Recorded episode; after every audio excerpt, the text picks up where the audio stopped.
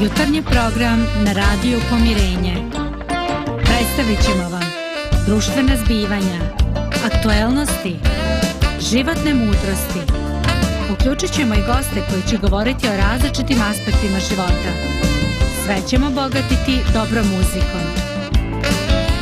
Sve to samo za vas. Jutarnji program. Jutarnji program.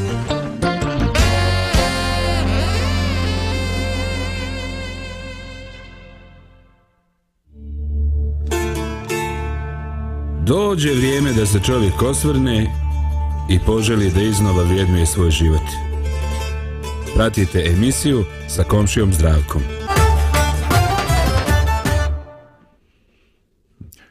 Dobri moji, želim vam lijep dan. Evo, danas smo odabrali jednu temu da u opuštenim odnosima komšijskim, susjedskim pričamo o nekim sadržajima koji ti naši životi imaju. Uh, a pojam koji sam danas izabrao je ljepota. ljepota. Naravno, vi svi imate neke svoje asocijacije na ovaj pojam, ali vjerujem da ćemo se ubrzo složiti. Koliko ljepote imate ili mislite da imate ili koliko ljepote opažate, doživljavate u svome životu, takav će izgledati kvalitet samoga života izgleda kao da je to jedan fini, skupi, sofisticirani začin koji sve mu u tome našemu životu daje e, dodatni smisao, daje neku patinu, daje vrijednost, ljepota. E, postoji mnogo aspekata ovoga a, e, pitanja, ali kao uvod iskristit ću jednu emisiju koju sam sa uh, ekipom mladih ljudi snimio za YouTube i za uh, Reset Studio. Dakle, na Facebooku ili na YouTube ukucajte Reset Studio i tamo imate čitav jednu playlistu uh, sa komšijom zdravkom. Prvi video, dakle, uh, se zove Ljepota nekada. Eto, za početak da poslušamo uh, taj kratki video koji bi bio uvod u naše zadaš, sadašnje, današnje razmišljane. Pa da krenemo. Jedno je sigurno. Koliko ljepote konstatuješ i primijetiš u svom životu, toliko ćeš imati radosti i toliko ćeš smisla vidjeti u čitavom svom postoju. Ali taj pojam je svakako kompleksan.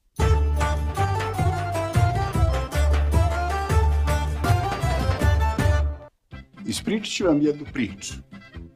Kad je moj prijatelj, Dule, odlučio da se ženi, u skladu sa tim vremenom, on je izvršio posljed, posljednje pripreme. Uzeo je svoju djevojku i odveo kod jednoga i kod drugog djeda. I vi ćete naravno pogoditi zašto. Htio je da čuje njihove utiske i sugestije. Znate šta se desilo? Kao po nekome pravilu, i na jednom i na drugom mjestu dešavalo se gotovo identičan scenar. Baka, jedna i druga, su lomile ruke, vajkale se i pričale kako je cura lijepa kao zlatna jabuka. A s druge strane, djed jedan i drugi su bili uzdržani, posmatrali, raspitivali se za njenu porodicu, pitali kako je ljetina ove godine, E, kako su njihovi rođaci, da li je zdrav djed i tako. I po nekom nepisanom pravilu, u jednom trenutku, oni su poželjeli da izađu, da razgovaraju nas.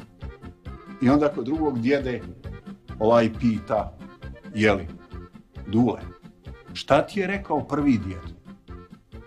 A ovaj onako smiješnice kaže, rekao mi je, dule, da se mi ne lažemo nema tu kopača ni do podne. Ali šta te briga? Makar je lijep.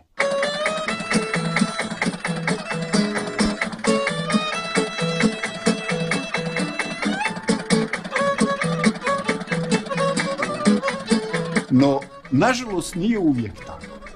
Ne dešava se u našim porodicama da stariji imaju puno razumijevanja a da su mladi jako raspoloženi da oslušnu, da čuju, da makar na neki način uvaže ono što će reći stari. Eto, sam sam pristuo događaju u kome razgovaraju majka i kćerka. I kad je majka shvatila koga je kćerka izabrala, njena reakcija je bila pobogu sestro, ali si našla. Pa njega ni ja ne bih htjela. Lado, htjeli bi da čujemo tvoje mišljenje kako je to izgledalo nekad i kako su nekad izgledali požere mladić ili djevojka. Jedra, vrijedna, rumena, raspjevana.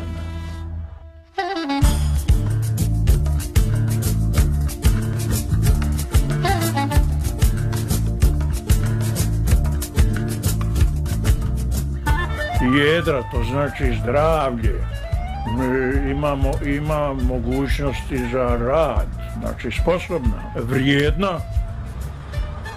a normalno, ako je vrijedna, onda ćemo nešto i, i, i steći.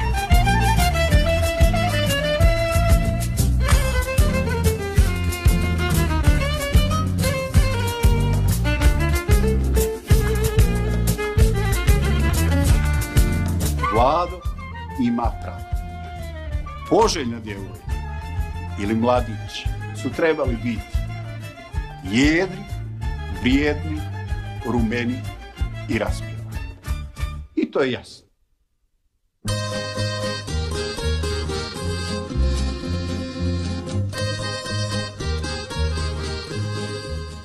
Morali su biti jedri, puni, morali su imati snage. Trebalo je sve obaviti. I njivu, i stoku i spremiti se i naveče otići u prelo na perušanje kukuruza i imati snage da se možda i u kolo uvati. Vrijedni. Džaba vam je snaga ako je čovek lijen. Kao što kaže narod, ako se umrtvio i neće ni kile. Rumen. Pa, tad su postojale mnoge bolesti kao i danas. I rumenilo su ljudi doživljavali kao jedno socijalno blagostanje, kao zdravlje. Eto, ako je osoba zdrava, ona će moći da radi, da nešto stekne, ona će izroditi unuče. I mi ćemo biti biološki sve bolje i bolje, bit ćemo biološki vrijedna po familiji. I napokon raspjeva. Džaba je sve ono što jedna porodica može da stekne. A ako čovjek nije dobar u glavu, Ako čovjek e, je depresivan, ako se ničemu ne raduje, to će onda biti nešto što će e, unižavati, što će vraćati natrag, što će čitavu porodicu vući natrag. Pogledajte ovu sliku. Ovde vidimo e, fotografiju koja je nastala prije nekih 70 i nešto godina i na njimoj vidimo e, Miss Srbije i Hrvatske. I kad posmatramo, shvatamo koliko je taj kriterijum ljepote različit od onoga koji danas prepoznajemo. Šta bi mi rekli? Prvo bi rekli, ove seke su baš onako punačke. A kad bi bili malo onako i nezgodni, onda bi neko rekao, pa jesu punačke, ali mogle bi se malo i depilirati. No, nemoj da se varamo ljudi u prošlosti su znali šta rade. Oni su e, vrijednovali stvari prema tome koliko je čovjek sposoban da živi, da jednostavno opstaje u izazovima života koje on nameće. Prije izvisnog vremena na jednoj našoj e, televiziji e, su pokazali jedan šaljivi intervju. I ovako šaljivo nastrojena novinarka se obratila jednom i djedu uh, i rekla mu, uh, djede, jesi li sam? Jesi se oženio? On kaže, pa normalno da sam se oženio, pa neće biti sam. Onda ona nastavlja u istom tonu i pita, Speha, jeste našli kakvu gospođu? Ja sam našao. Jeste. Ja sam lijepu našao. Radi ko konj. Kako nije lijepa? Radi ko konj. Možda se nama čini ovo na neki način nehuman, kao produkt nekoga davnog vremena. Kako da čovjeka vrijednujemo i da posmatramo njegovu ljepotu na osnovu on nečega koliko on radi. Ali, da li je baš tako? Pogledajte, kad mi danas posmatramo neke e, scene na filmovima koji su snimljeni na zapadu, e, Uglavnom, uz te scene, pored neke muzičke pozadine, tu je neki zalazak sunca ili neko e, privušeno svjetlo i neka lijepa hrana i piće. Dakle, nešto što je romantika, što je duhovni doživljaj, doživljaj, jako se često vezuje i za nepce, i za nešto što je sasvim opitljivo. I zato E, ne treba da nas čudi, ne treba da se šokiramo kad stari ljudi kažu ma dobro, sve je to u redu, jeste ona lije, ali brate, zna li ona tebi sutra složiti pitu? Zna li smotati sarmu? Jer od ljepote se ne živi. Ili bar ne dugo. Jer ljepota će proći. I doći će tren kad je ono kako je naš partner ili mi bili lijepi, postojaće još samo u sjećanju. Tad ćemo možda pregledati stare fotografije iz albuma ili ćemo prizivati neke događaje u sjećanju. Ali stvarni kvalitet našega života će se sastojati od nekih drugih, trajnijih, duhovnih vrijednosti. Šta će to biti? Hoće li to biti empatija, e, neko povjerenje, neki osjećaj sigurnosti i osnovnice jedni na drugi. Jer jedno je definitivno. Život je prolazan, naša ljepota i snaga prolazan. I jednostavno treba da bu nam bude lijepo i kad mi više ne budemo lijepi. Moramo tražiti ljepotu koja ima dublji try and do such.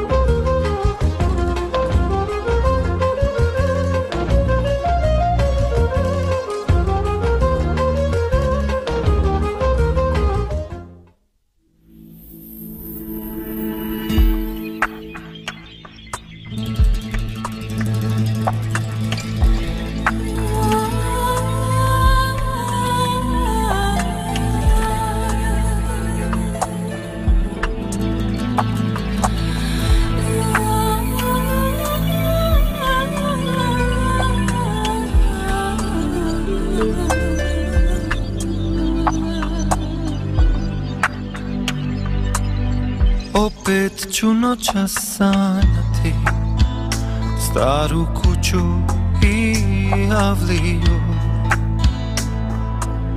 Opet će duša sletjeti Pravo pred njenu kapiju Sanjat ću dan da se ostvari san Neću se buditi Neću se buditi I pašće kamen sa srca mog Jer ću se vratiti Lijepo je doći u svoju čašiju Lijepo je imat svoju lavniju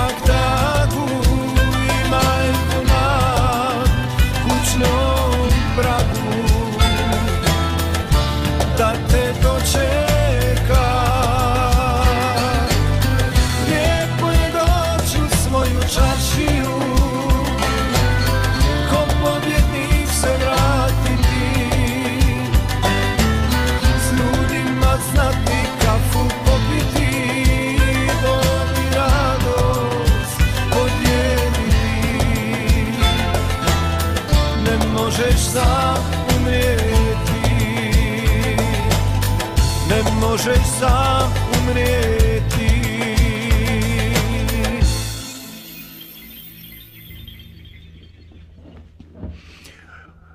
Ono što smo svakako zapazili slušajući e, ovaj uvodni video Reset studija jeste da pojam nije nimalo jednostavan.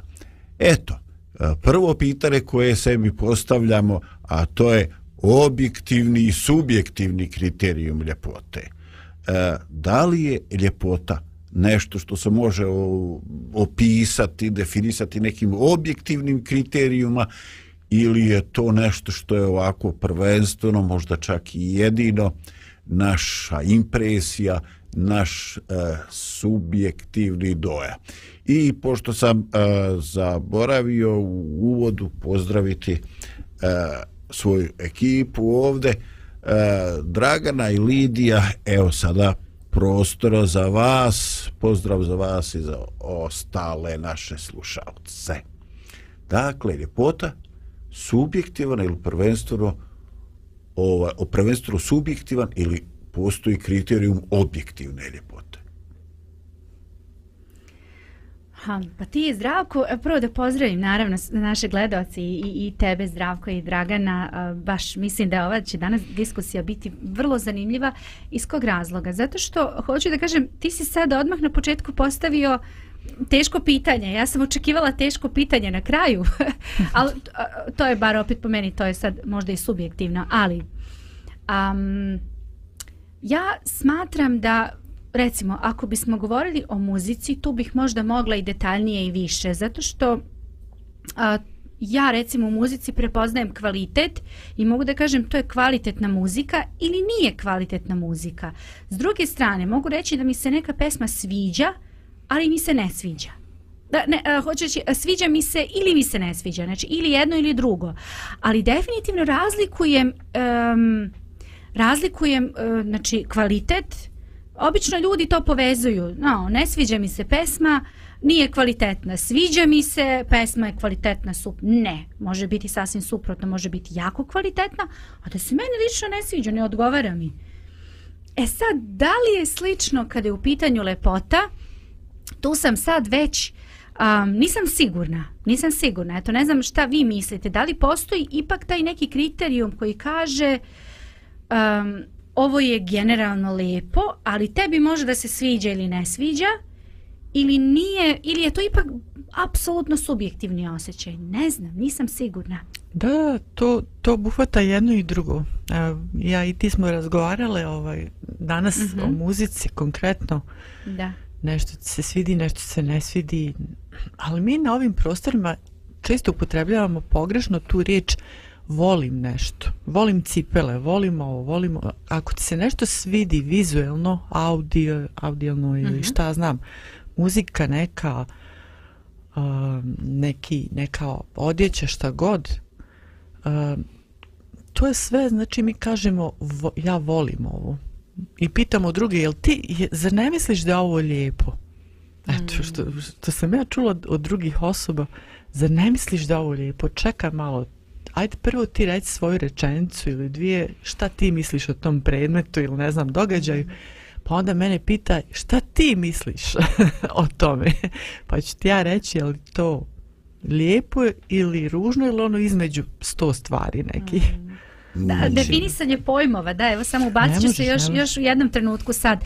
Znači, e, ja se snajam svojom isto kad razgovaram i ona mene pita neka, tako dođem kod nje i ona kaže, e, da vidiš da sam kupila haljinu, ja kažem, o, pa fina je, fina je. I u njenom, ja, u početku trebalo nam je malo vremena da to, ona, onda mi ona rekla ovaj, šta ona misli. Ja kad kažem fino, za mene je fino dobro, lepo, super, znači sjajno, samo drugi izraz za to. Za mene je fino stvarno nešto lepo, dobro. Znači u pozitivnom smislu fino. A za nju fino znači pa okej. Okay. Može proći. Ma e to, može da, proći, može. da. Kulturno se je rekla kao Ači. Jeste, jeste. Dok smo mi to, ja sad svaki put kad smo zajedni, kada kažem, e, fino je, uvijek se pogledamo i setimo se da ove, se različite. Prethodnog iskustva. Jeste. Da. Ovaj, slušam vas i vidim da i vi definitivno ovaj, i sigurno dijelite moje nedoumice. Uh, Dakle, na sličan način vam stvari nisu jasne kao ni meni. Eto, ja kad se zagledam i pokušam, pokušam to dešifrovati, onda mi se čini da ako govorimo o nekom objektivnom kriterijumu, e, možda on i postoji, ali samo kao preovlađavajuće mišljene određenog prostora i vremena. Dakle, e, u određenom vremenu, na određenim prostorima, postoji neki taj kriterijum ljepote, kao što smo slušali. I kažem, nekad je bilo, ovaj, šta je lijep, mladić, lijepa djevojka. Pa mislim ono, da je zdravo, rumeno, jedro, krupno, uhranjeno. Zato što je taj spisak stvari asocirao na neko socijalno blagostanje, na neko fizičko zdravlje, na neku e, sigurnost, na neku spremnost da se uđe u život, da se ostavi potomstvo. I znači, jedan e, kompleksan e, E, primjer kompleksan spisak asocijacija koje čovjek doživljava kad gleda taj pojam koji odgovara potrebama njegovog vremena i ukaže meni je to lijepo. Zašto mu je to lijepo? Pa zato kad to vidi, kad su ti uslovi ispunjeni, on se nada da i za sve ostalo ima šanse da se završi kako treba. A mm. razumijete? Jer mi moramo shvatiti da je obična tuberkuloza nekad bila neizlečiva bolest. Da kaže jeftičav, umro ko Vasala Dački, umro, ovaj, umrla mama s 30 i neku. Dakle, e, neka ta bolest koja se već odavno liječi običnim penicilinom, nekad je bilo gotovo, završena priča. Samo je pitare koliko ćeš još da hodaš i kašljucaš po zemlji. Dakle, e, opet i kad govorimo o nečem što je preovlađavajući stav, ukus vremena, e, ovaj mi jednostavno vidimo da je to samo nešto što je zbir većeg broja subjektivnih mišljenja. Jer da je to nešto objektivno, znači ne bi se mijenjalo kroz vrijeme, kroz kulturu, kroz ovo, kroz ono. E, dakle, e, na samom početku ispade da je to, e, ako i postoje neke kriterijumi objektivnosti, onda su oni vjerovatno vezani za stav većine koji snagom množine nameće taj stav. Ali ovaj da i pored toga što postoji tako nešto, mi imamo svoj lični osjećaj, lični osjećaj e, lijepog. I tu e, potrebu, faktor sigurnosti, preživljavanja, jednog funkcionisanja zajedničkoga. E, života. No dobro, ovaj, nije imam običaj da odmah ovako krenemo u, u, u teška pitanja, obično mi to razvijamo polako. A ajde Lidija da te zamolimo, de ti to malo relaksiraj kroz muziku, možda uspijemo stvar vratiti natrag.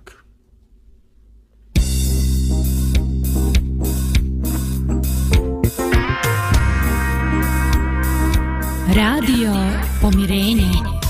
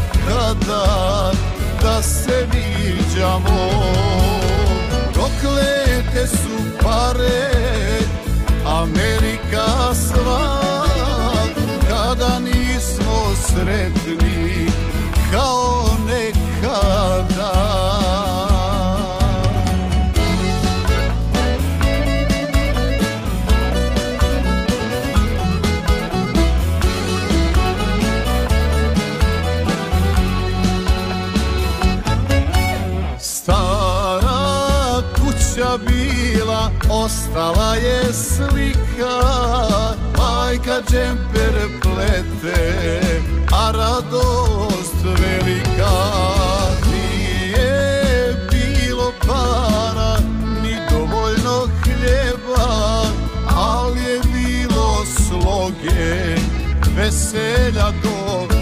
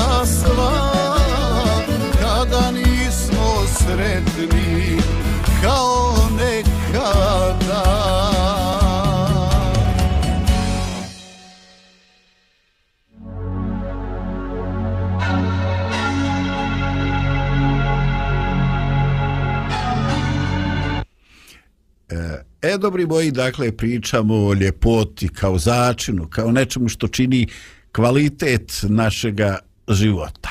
No, rekli smo da je to nešto što se mijenja kroz vrijeme, da se mijenja se i dok čovjek odrasta, mijenja se i u uslovima života od socijalne sredine i koje čega.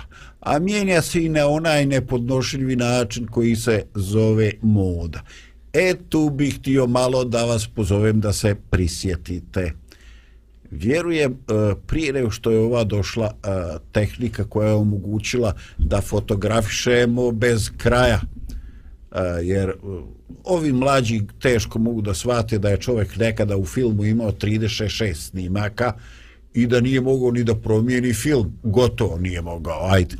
Ovaj, tek kad odnese taj film, onda možda dobije sljedeći ovaj, sad mi to fotografišemo i tako. A nekad smo imali fotografije koje su ostajale i koje su se čuvale.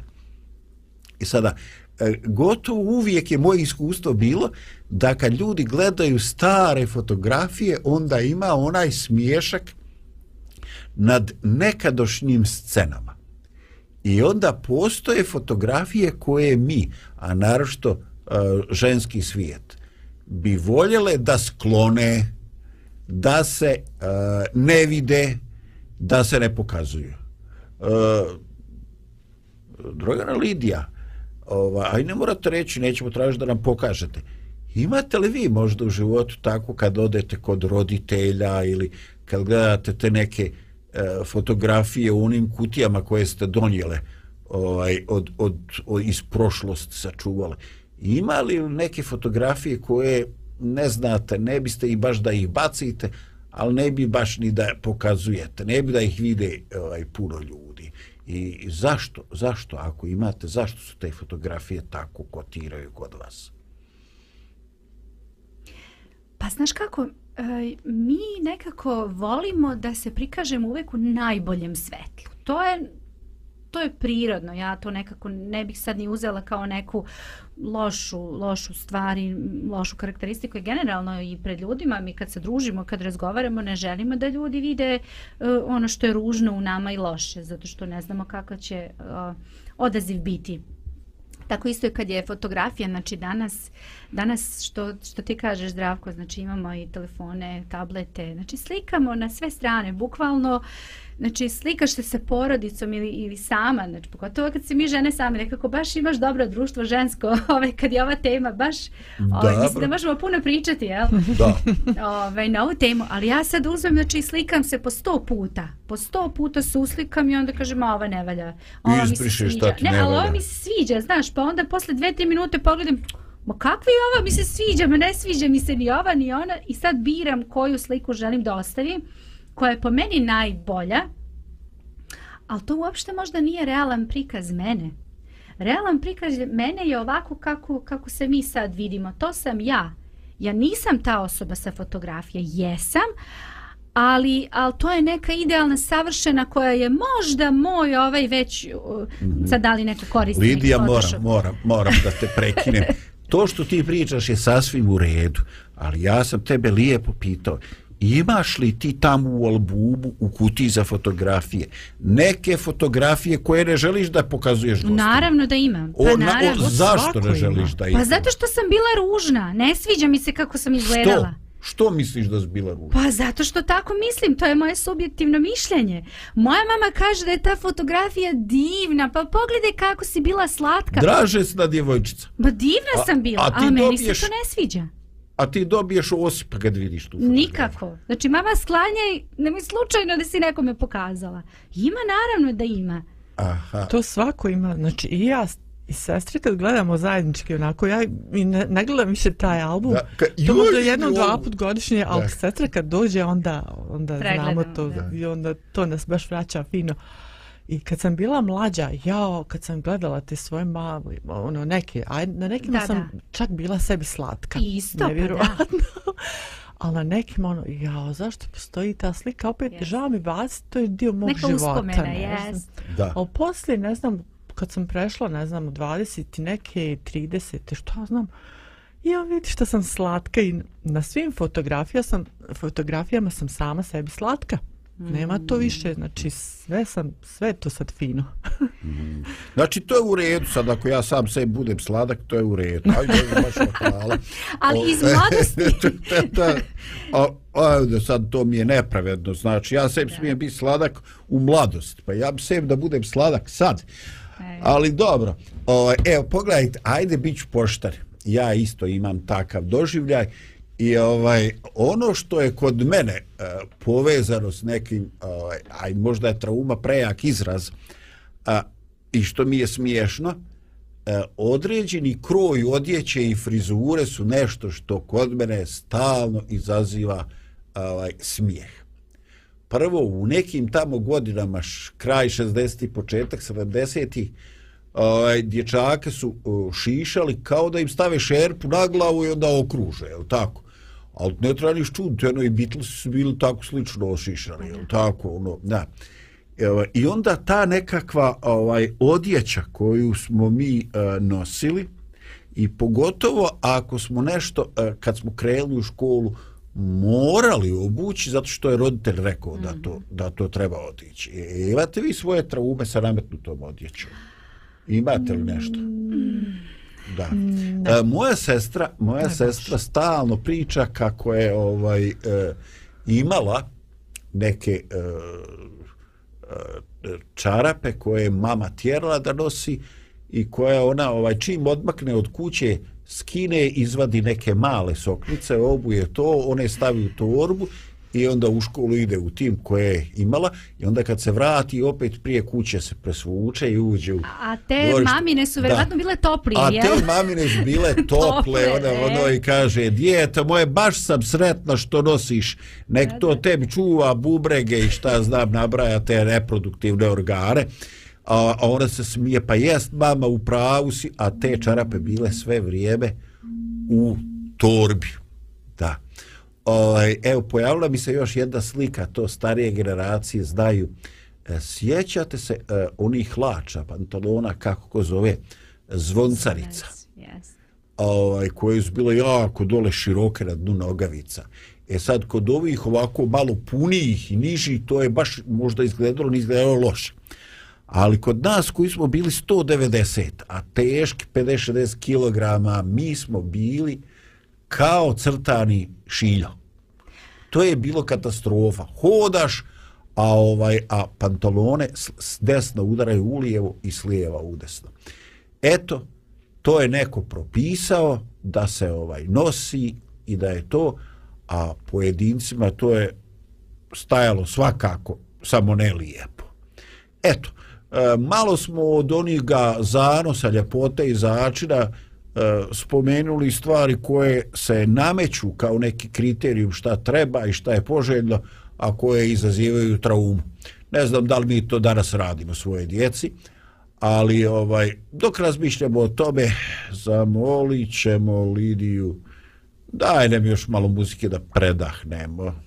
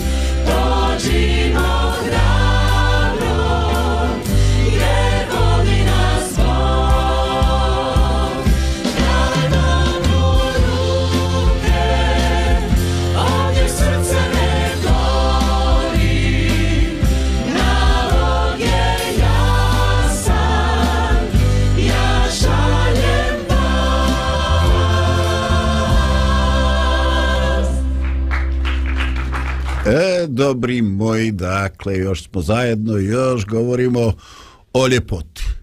Ali da bi nešto bilo lijepo, ono ne mora biti savršeno. E, svaka ljepota e, na neki način u sebi može sadržavati neku specifičnost, pa čak i neku nedovršenost, neku nesavršenost. I vjerujte, i pored toga, nečiji lik i neki doživljaj nečega može biti nevjerovatan i može nas pratiti čitav život. E, pitanje, e, da li je vama u životu smetalo neko e, nesavršenstvo ljudi, njihovog lika, ako ste prema njima gajili međusobna prijateljska osjećanja, ako ste ih doživljavali kao ugodne osobe. E, koliko vam je bilo kakav nedostatak fizičke vajštine smeta u komunikaciji s njima. I što ste se učutali? Ili sam ja bio nejasan? Dakle, da li je smetao? U da. kom smislu smetao? Pa evo, na primjer, da, zamisli da sada... Da ne dođe uopšte do komunikacije? Ne, ne, ne, zamisli sada, recimo, mi se družimo i često smo i to ovaj, ali ja imam klempav uši. A, koliko je to problem u mome svakodnevnom druženju sa ljudima? Ili kakva su vaša iskustva u kad susrećete ili kad ste u mladosti susretali ljude koji imaju neke nesavršenosti, koji imaju klempave oši, kriv nos, e, e, vilica im nijemaju zagriz kako treba ili tako. A, e, koliko su nesavršenosti uticale uh, na vaš doživljaj ljudi. E, je li to realno ili nije?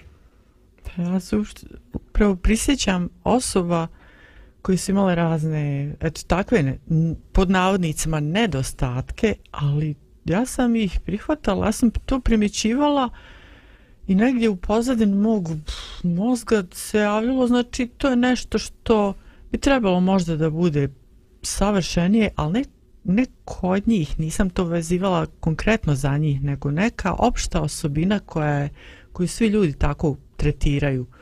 Ako neko ima krive noge, kriv nos, krivo ono, ne znam nija, klempove mhm. uši, ne znam nija. Znači, to je nešto u pozadini naše guma što se javlja, bar mog, ali što se tiče naše komunikacije, bila je izvanredna. redna. I ništa, bili smo iskreni jedno, jedni prema drugima i uživali se, smo i smijali se i govorili o raznim stvarima i tužnim i veselim i Znači, da. Dakle, definitivno, čini mi se, tem to ostalo, nije bio problem. Pa prijateljstvo je ostalo bogato raznim drugim bogatstvima, a ovo postalo... Ne primetiš to niko, da. Ne primetiš uopšte. Da. Da. To ću i ja isto reći, znači, uh, bila je situacija gdje sam recimo poznavala neke osobe koje su evo konkretno ženske osobe znači koje ono kad, kad je vidim pomislim ma ova ne, nema šanse da bi ona sad meni nešto prišla da mi sad tu nešto prišla da pričamo da, da komuniciramo zato što toliko nekako odbojno izgleda fizički jako lepa Znači, uvek doterana, uvek sređena. Ja sam uvek imala osjećaj, ma, no, što ne, nepristupačna. E, baš tako, nepristupačna, ne, ne, ne, neće mi prići a onda kada priđeš toj osobi, kada nekako uspostaviš komunikaciju, vidiš da je ta osoba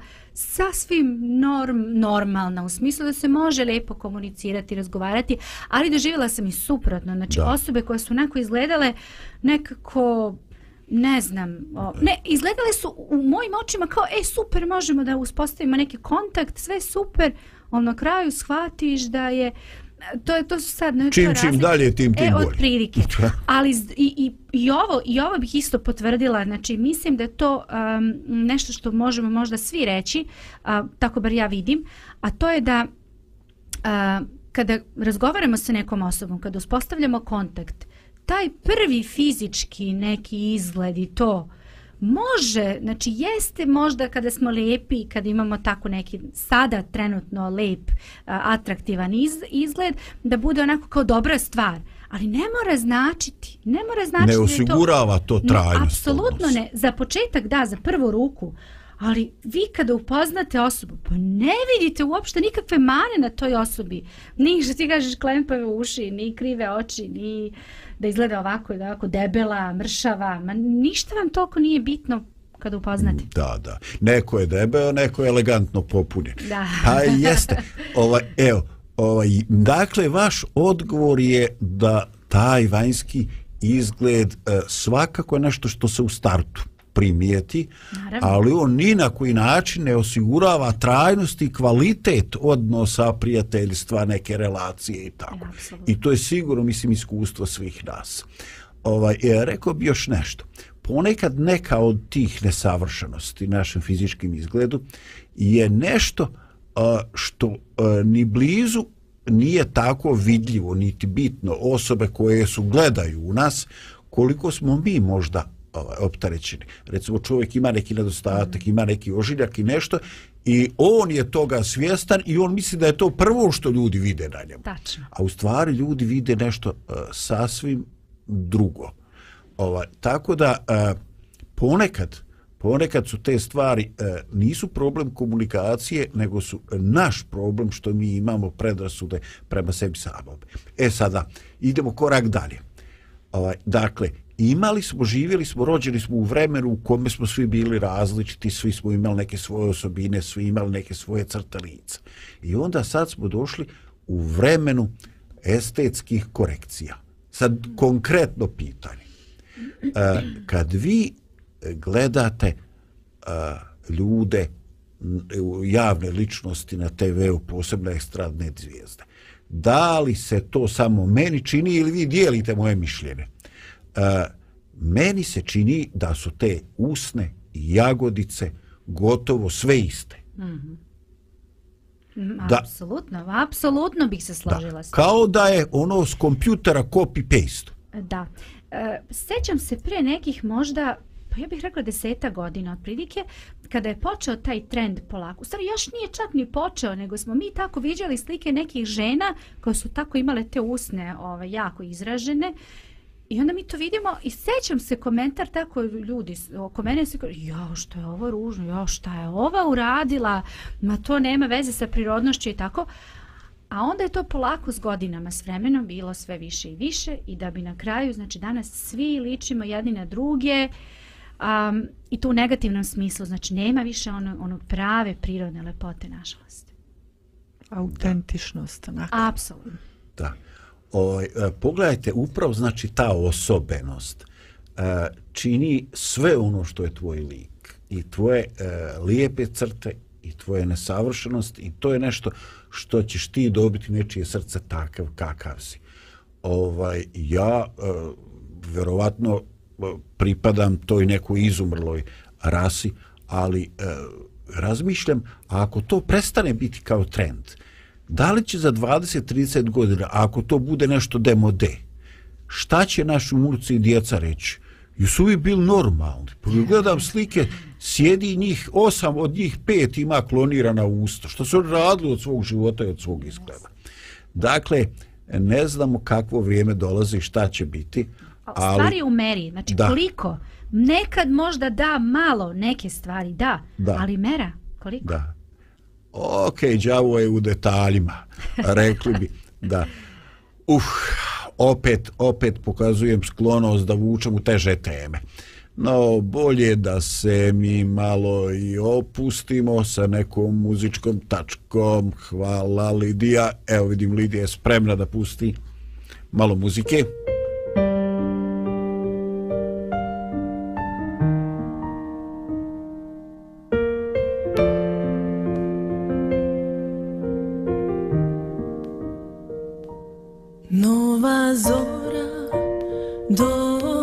stazi Zovu žetve velike Tko je taj koji dat će ti snage Da mu nosiš plodove Nova zove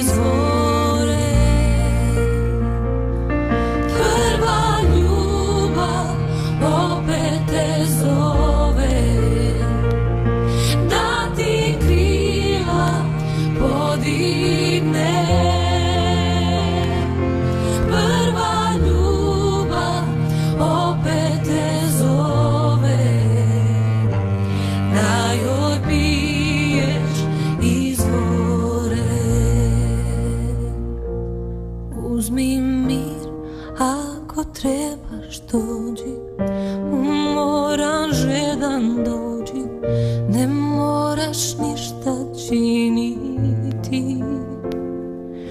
Uzmi mir, ako trebaš dođi, moram žedan dođi, ne moraš ništa činiti.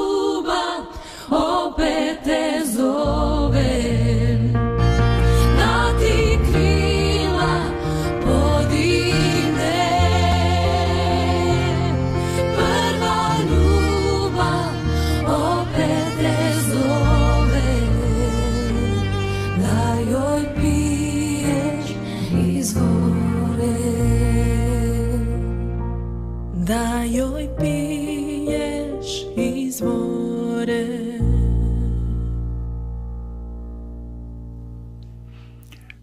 Ljepota svakako ni na koji način ne garantuje ljubav i sreću. Napokon, ona se pojavljuje kao roba na tržištu koji neki ljudi smatraju da jednostavno mogu imati jer im njihov socijalni status to omogućava. I zato ljepota je možda način da čovjek ili žena skrenu pažnju na sebe, ali one nikada ni u kojim uslovima ne omogućavaju neke e, trajnu sigurnost u vezi, u odnosima. Jer e, sve što čovjek jeste i kako izgleda je nešto što prolazi. Najljepše na čovjeku je ono što drugoga podiše, što ga popravlja, što ga čini da se osjeća lijepo. I zato je najveća ljepota ono dakle što u nama izaziva osjećaj ugode kod drugih ljudi. I zato završno pitanje. Kako nešto od toga što nam je osigurala ljepota u mladosti sačuvati i u doba kad naše godine ne, omoguća, ne budu omogućavale ljepotu našega tijela i našega vanjskoga izraza. To će vjerovatno i jedino biti ono što smo ugradili u odnose, asocijacije i sjećanje u životu sa drugim ljudima. Dakle, možemo biti voljeni i kada nismo mladi i kad nismo više tako lijepi, jer će ugoda i sjećanje i ono što smo uložili u druge ljude ostati isto eto dobri moji, vi mladi koji ste mladi, lijepi, i vi ne više tako mladi koji smo nekada bili mladi, lijepi, a sad smo samo lijepi, ja vas pozdravljam u ovom predprazničnom vremenu. Mislite na sebe, na svoje zdravlje. Učinite nešto lijepo s ljudima koji ste okruženi. Učinite da se osjećaju lijepo.